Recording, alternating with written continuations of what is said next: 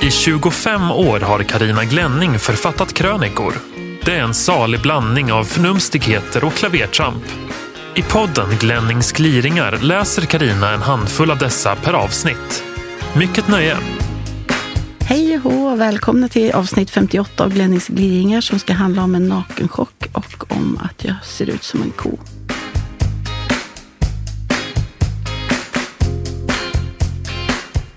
Nakenchock på Facebook. Jag har blivit tagen i örat av Facebook. Det är ungefär som att bli uppläxad av Gud fader själv. Jag skakar i mina grundvalar. Vem hade kunnat ana att en oförärlig tant på 55 år i en mellansvensk trevlig kommun skulle väcka sån upprördhet? Förra veckan intervjuade jag Mattias Risberg, en Jesus-hippie som lyfter omkring i världen. En drogfri vagabond och naturist som vill sprida kärlek och tillit. En knäppjök. Ja, kanske det, men vad vore världen utan sådana? Dessutom gör han inte en fluga för när och nog är det lite fascinerande med en ung människa som vänt hela konsumtionssamhället ryggen. Med sig i bagaget har han foton på sig själv, naken i naturen, häftade på en enkel träram. Det finns bara ett exemplar av varje. Ibland säljer han tavlorna, ibland ger han bort den. Jag fick en. Den är en aning svårplacerad, det måste jag erkänna, men jag kan ju inte bara slänga den. Den är en present från en av de mest udda filurer jag träffat. Och presenter kan man inte bara kasta. Den blir ju ett kul minne. Hem till gubben vågar jag inte ta den och här på redaktionen finns ingen vägg i min närhet. De flesta väggar är dessutom redan upptagna av målningar och fotografier. Och jag kan ju inte gärna prångla in den på fotoväggen med korrens chefredaktörer sedan begynnelsen. En snopp mitt i den samlingen? Nej. Eftersom det inte direkt hör till vanligheten att jag får nakenbilder av dem jag intervjuar, eller av någon annan heller för den delen, gjorde jag en statusuppdatering på Facebook. Jag publicerade bilden och skrev något i stil med Ja, nog har man ett intressant jobb alltid. Idag fick jag en nakenbild av en Jesus-hippie som jag intervjuat. Det skulle jag inte ha gjort. Morgonen därpå hade jag fått ett skarpt formulerat meddelande från Facebook. Fotot hade tagits bort eftersom det strider mot Facebooks regler. Jag uppmanades att gå igenom samtliga mina bilder för att plocka bort fler eventuella snoppar samt kryssa i en ruta för att bedyra att ofoget inte kommer att upprepas. Jag skrev tillbaka att jag är journalist och kanske kunde få göra en telefonintervju om Facebooks nakenregler och hur de resonerar eftersom en del unga tjejer har profilbilder som ser ut att vara hämtade från porrfilmer samtidigt som ett konstnärligt naturfoto där en liten slak snopp ingår bedöms väcka anstöt. Inget svar. Jag försökte ringa till Facebook i Sverige. Helt omöjligt. Jag försökte hitta en mejladress till dem. Lika omöjligt. Som att bli uppläxad och därefter försöka föra en dialog med Gud, Fader själv. Jag tog en ny bild på tavlan, den här gången med en post-it-lapp över Jesus hippiens snopp. Och se, den bilden fick ligga kvar. Men vad gör jag av tavlan? Jo, nu vet jag. Den ska få hänga på dasset bredvid hönshuset. Mellan Gustav VI Adolf och ett ungdomsporträtt på Silvia. Royalist och naturist sida vid sida. Så får det bli. Herregud, jag är ju gammal. Insikten slog mig som ett knytnävsslag rakt i solarplexus när jag minst anade. Utan att reflektera över det har jag gått och blivit en 55-plussare. I andra kulturer ärar och värdar man de äldre eftersom de med sin rika livserfarenhet bedöms vara visa. Gamla ska visas aktning, lyssnas på, hjälpas, tas om hand, få företräde. Och självklart reser man sig på bussen för en äldre människa. Jag känner inte igen mig så där jättemycket i den bilden. På våra breddgrader buntas alla gamla ihop till en, en enda skock. 55-plussare, 56 eller 103 år spelar ingen roll. Efter 55 är vi gamla. Det känns lite märkligt när man fortfarande har 10 eller troligen 15 år kvar att löneslava. Och eftersom man är gammal finns det yngre som tror att man är nöjd och tillfreds bara man får lite tårta, en skvätt likör till kaffet och Kalle Julabo på radion. Många unga är därtill övertygade om att alla 55-plussare är kompletta IT-idioter eftersom vi inte hade den stora lyckan att födas med en smartphone i ena näven och en mus i den andra. Ja, datormus tänker jag på då. Jag får för övrigt höra att jag uttalar Facebook väldigt udda, men lite gulligt. Jag säger Facebook. De unga säger Facebook. Nu infinner sig frågan, är jag en riktig 55-plussare? Klarar jag de höga intagningspoängen för att få tillhöra denna illustra skara? Ja, med råge får man nog säga. Kolla bara. Mina senaste trosor inhandlades på ICA Maxi. Jag är osäker på om detta är ett tecken på att jag är en 55-plussare, men det har åtminstone aldrig hänt tidigare. Gubben och jag åkte nyligen tillbaka till samma hotell vi hade bott på en gång tidigare. Melia Tamarindos i San Agustin på Gran Canaria. Pensionärsvarning om något. Jag var lite frestad att sno med mig kokta ägg från hotellfrukosten på nämnda hotell, men jag hejdade mig när jag såg andra 55-plussare som skamlöst bredde hela baguetter och bar med sig därifrån. Jättemackorna dök upp som lunch vid poolområdet några timmar senare. Sedan några år är jag en hängiven korsordslösare och vid årsskiftet började gubben och jag lösa melodikrysset på lördagarna. Jag tillhör nu en grupp tidningsläsare som jag tidigare fnyst åt. Det vill säga den typen av läsare som får sina inre vätskor i obalans om ett korsord uteblir eller byter dag. Och när detta ofog sker ringer tidningen eftersom man uppfattar attacken som en personligt riktad skymf, en grov kränkning. Jag är ointresserad av äventyr. Hela livet har varit strapatsrikt. Nu vill jag ha lugn och ro. Dramatik, nej tack. Jag är så morgonstel. Fundera på att börja med morgongymnastik på 10 15 minuter. Finns det på Youtube. Tipsa gärna om du vet något kort och bra program. Stora existentiella frågor som vad är meningen? Finns Gud? Och vad gör jag på jorden? har ersatts av hur länge ska jag egentligen hålla på och färga håret? Listan skulle kunna bli lång märker jag. Än har jag inte frågat doktorn som favoritprogram, men det står väl inte på förrän även den milstolpen passeras. Nu lutar jag mig tillbaka i gungstolen och inväntar erbjudande om diverse seniorboenden som likt ett brev på posten påstås dyka upp efter 55. Vad önskar du dig mest av allt, Karina? Jo, breda dörrar, larmknapp på dass och tröskelfritt. Nej, kanske inte riktigt än. Kalla mig Rosa om jag får be. Tänk att du sitter emot din man och till kandelaberns sken intar fredagsmiddag när han spänner ögonen i dig och ser på dig på ett helt nytt och väldigt skumt sätt. För att därefter utbrista Ja, nu vet jag. Det är ju en ko du ser ut som.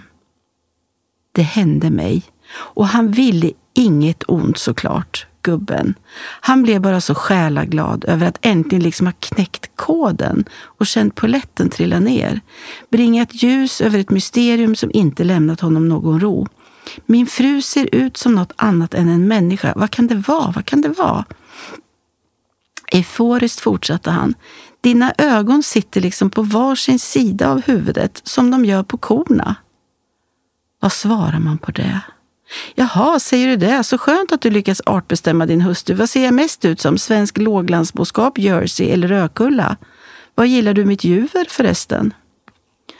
På mammas sida finns en dominant ärftlighet som inte undgår någon, brett mellan ögonen. Det här har drabbat alla mammas tre barn, inklusive alla barnbarn och nu även hennes första stackars barnbarnsbarn.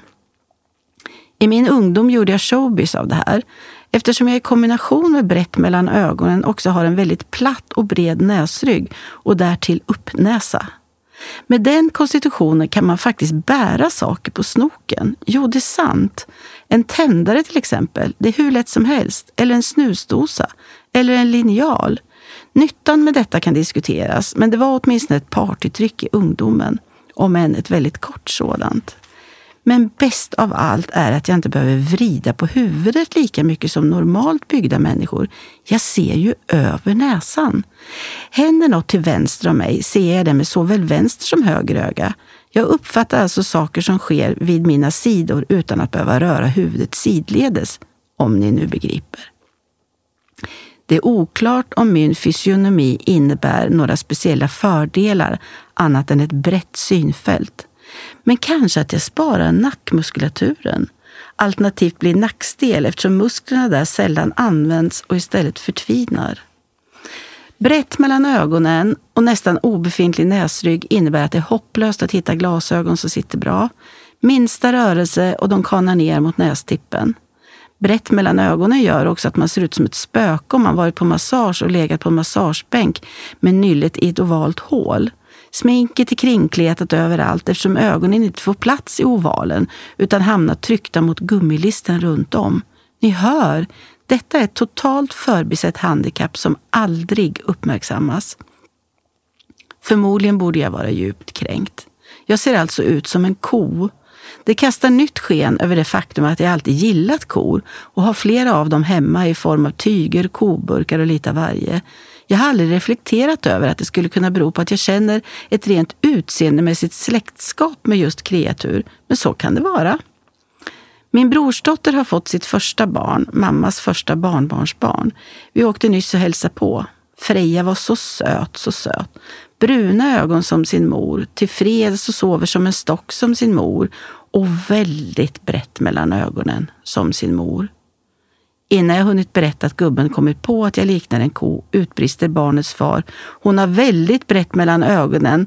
Vi kallar henne för vår lilla hammarhaj. Tveksamt om det är bättre eller sämre än ko. Men mu och kolossalt trevlig helg på er.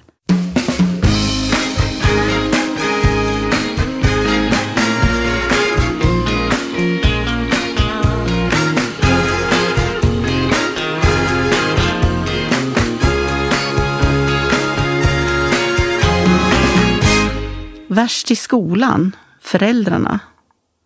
De förväntas få ordning på oregeliga ungar utan att ha några befogenheter. De får glåpord kastade över sig och de brottas allt oftare med föräldrar som inte tror att de kan sköta sitt jobb. Det är telefonsamtal, mejl och sms.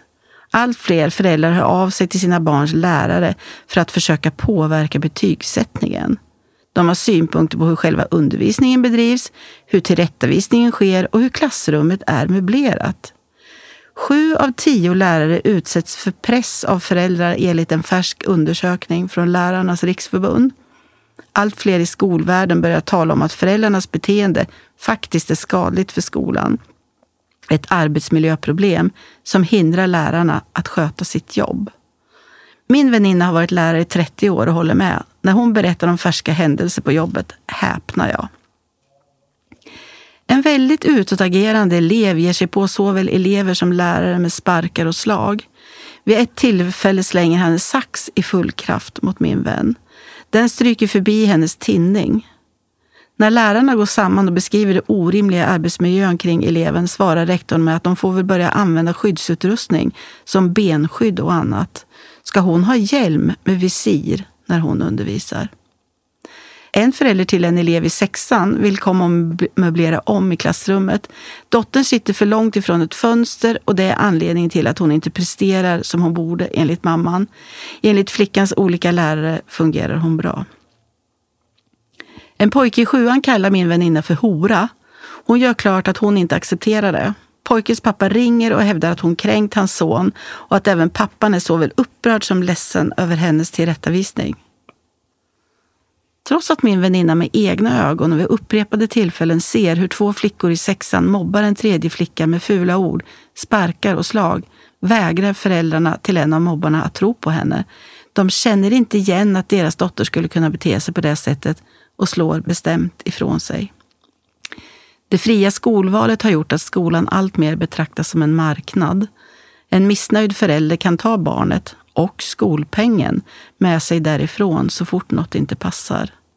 Hur många rektorer tar i det läget sin personals parti? På min väninnes skola finns en elev som tvingas byta skola fem gånger på fyra år. Det är bra med föräldrar som tar aktiv del i skolan, men när de börjar leka lärare och kommer med förtäckta hot är det dags att damma av den gamla skamvrån och mota in föräldrarna där. Men min väninna säger, ni måste tro och förstå att jag kan det här, att jag har förmågan att se hur era barn kan växa och lära sig. Det är det som är mitt jobb. Det är det jag är utbildad för. Samarbeta med oss istället för att snacka skit om skolan hemma vid middagsbordet. Det enda det leder till är att förtroendet vi har med ditt barn raseras. Om vi jobbar ihop däremot kan vi göra underverk tillsammans. Om tio år saknas 65 000 lärare. 30 procent av lärarna hoppar av yrket inom fem år efter examen.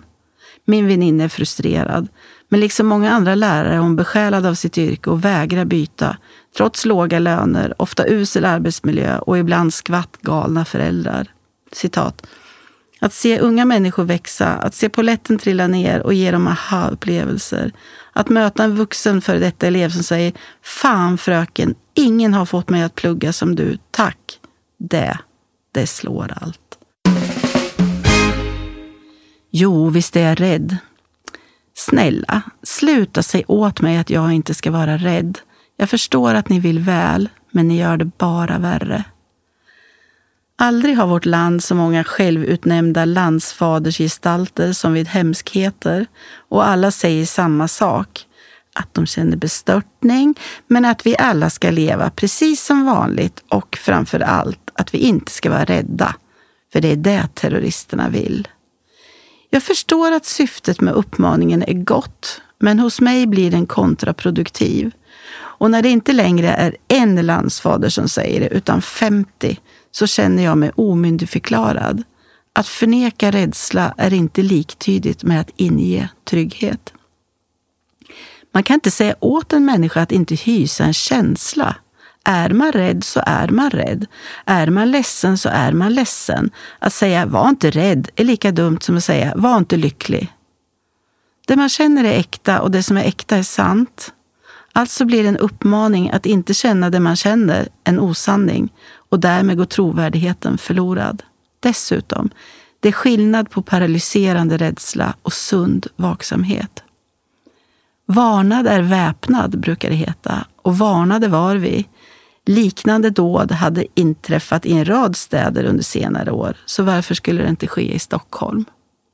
Det är inte mitt eget liv jag är oroad över.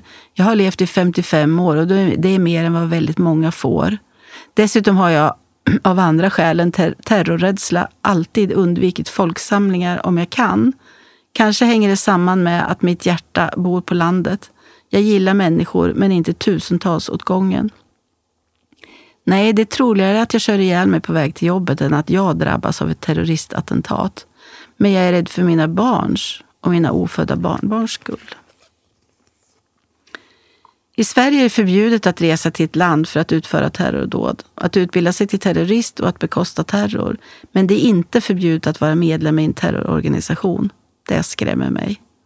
I Sverige går det, trots den lagstiftningen, att resa till ett land, strida för en terrororganisation och sen komma tillbaka till Sverige och fortsätta leva här. Det skrämmer mig. I Sverige skärptes terrorlagstiftningen i april förra året, 2015. Trots det har bara två personer sedan dess dömts för terrorbrott. Det skrämmer mig. I Sverige har vi väldigt begränsad kameraövervakning på allmänna platser. Det påstås hota den personliga integriteten struntprat. Varsågod och filma mig var som helst, utom i mitt hem. Det är terrordåd som hotar min personliga integritet, inte om jag blir filmad på gator och torg. Det är tjuvar i min mataffär som hotar min personliga integritet, inte om det sitter en kamera ovanför blomkålen. Det är vackert att vilja värna den personliga integriteten, men inte om effekten blir den motsatta. Det skrämmer mig. I Sverige finns det 200 namngivna och av Säpo kända individer som har såväl viljan som förmågan att utföra terrorbrott i Sverige. Allt enligt terroristforskare Hans Brun.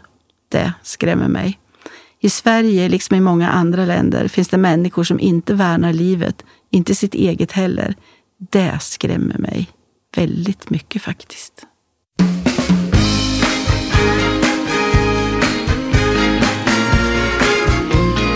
Du har lyssnat på Glennings gliringar. Ansvarig utgivare, Christer Kustvik.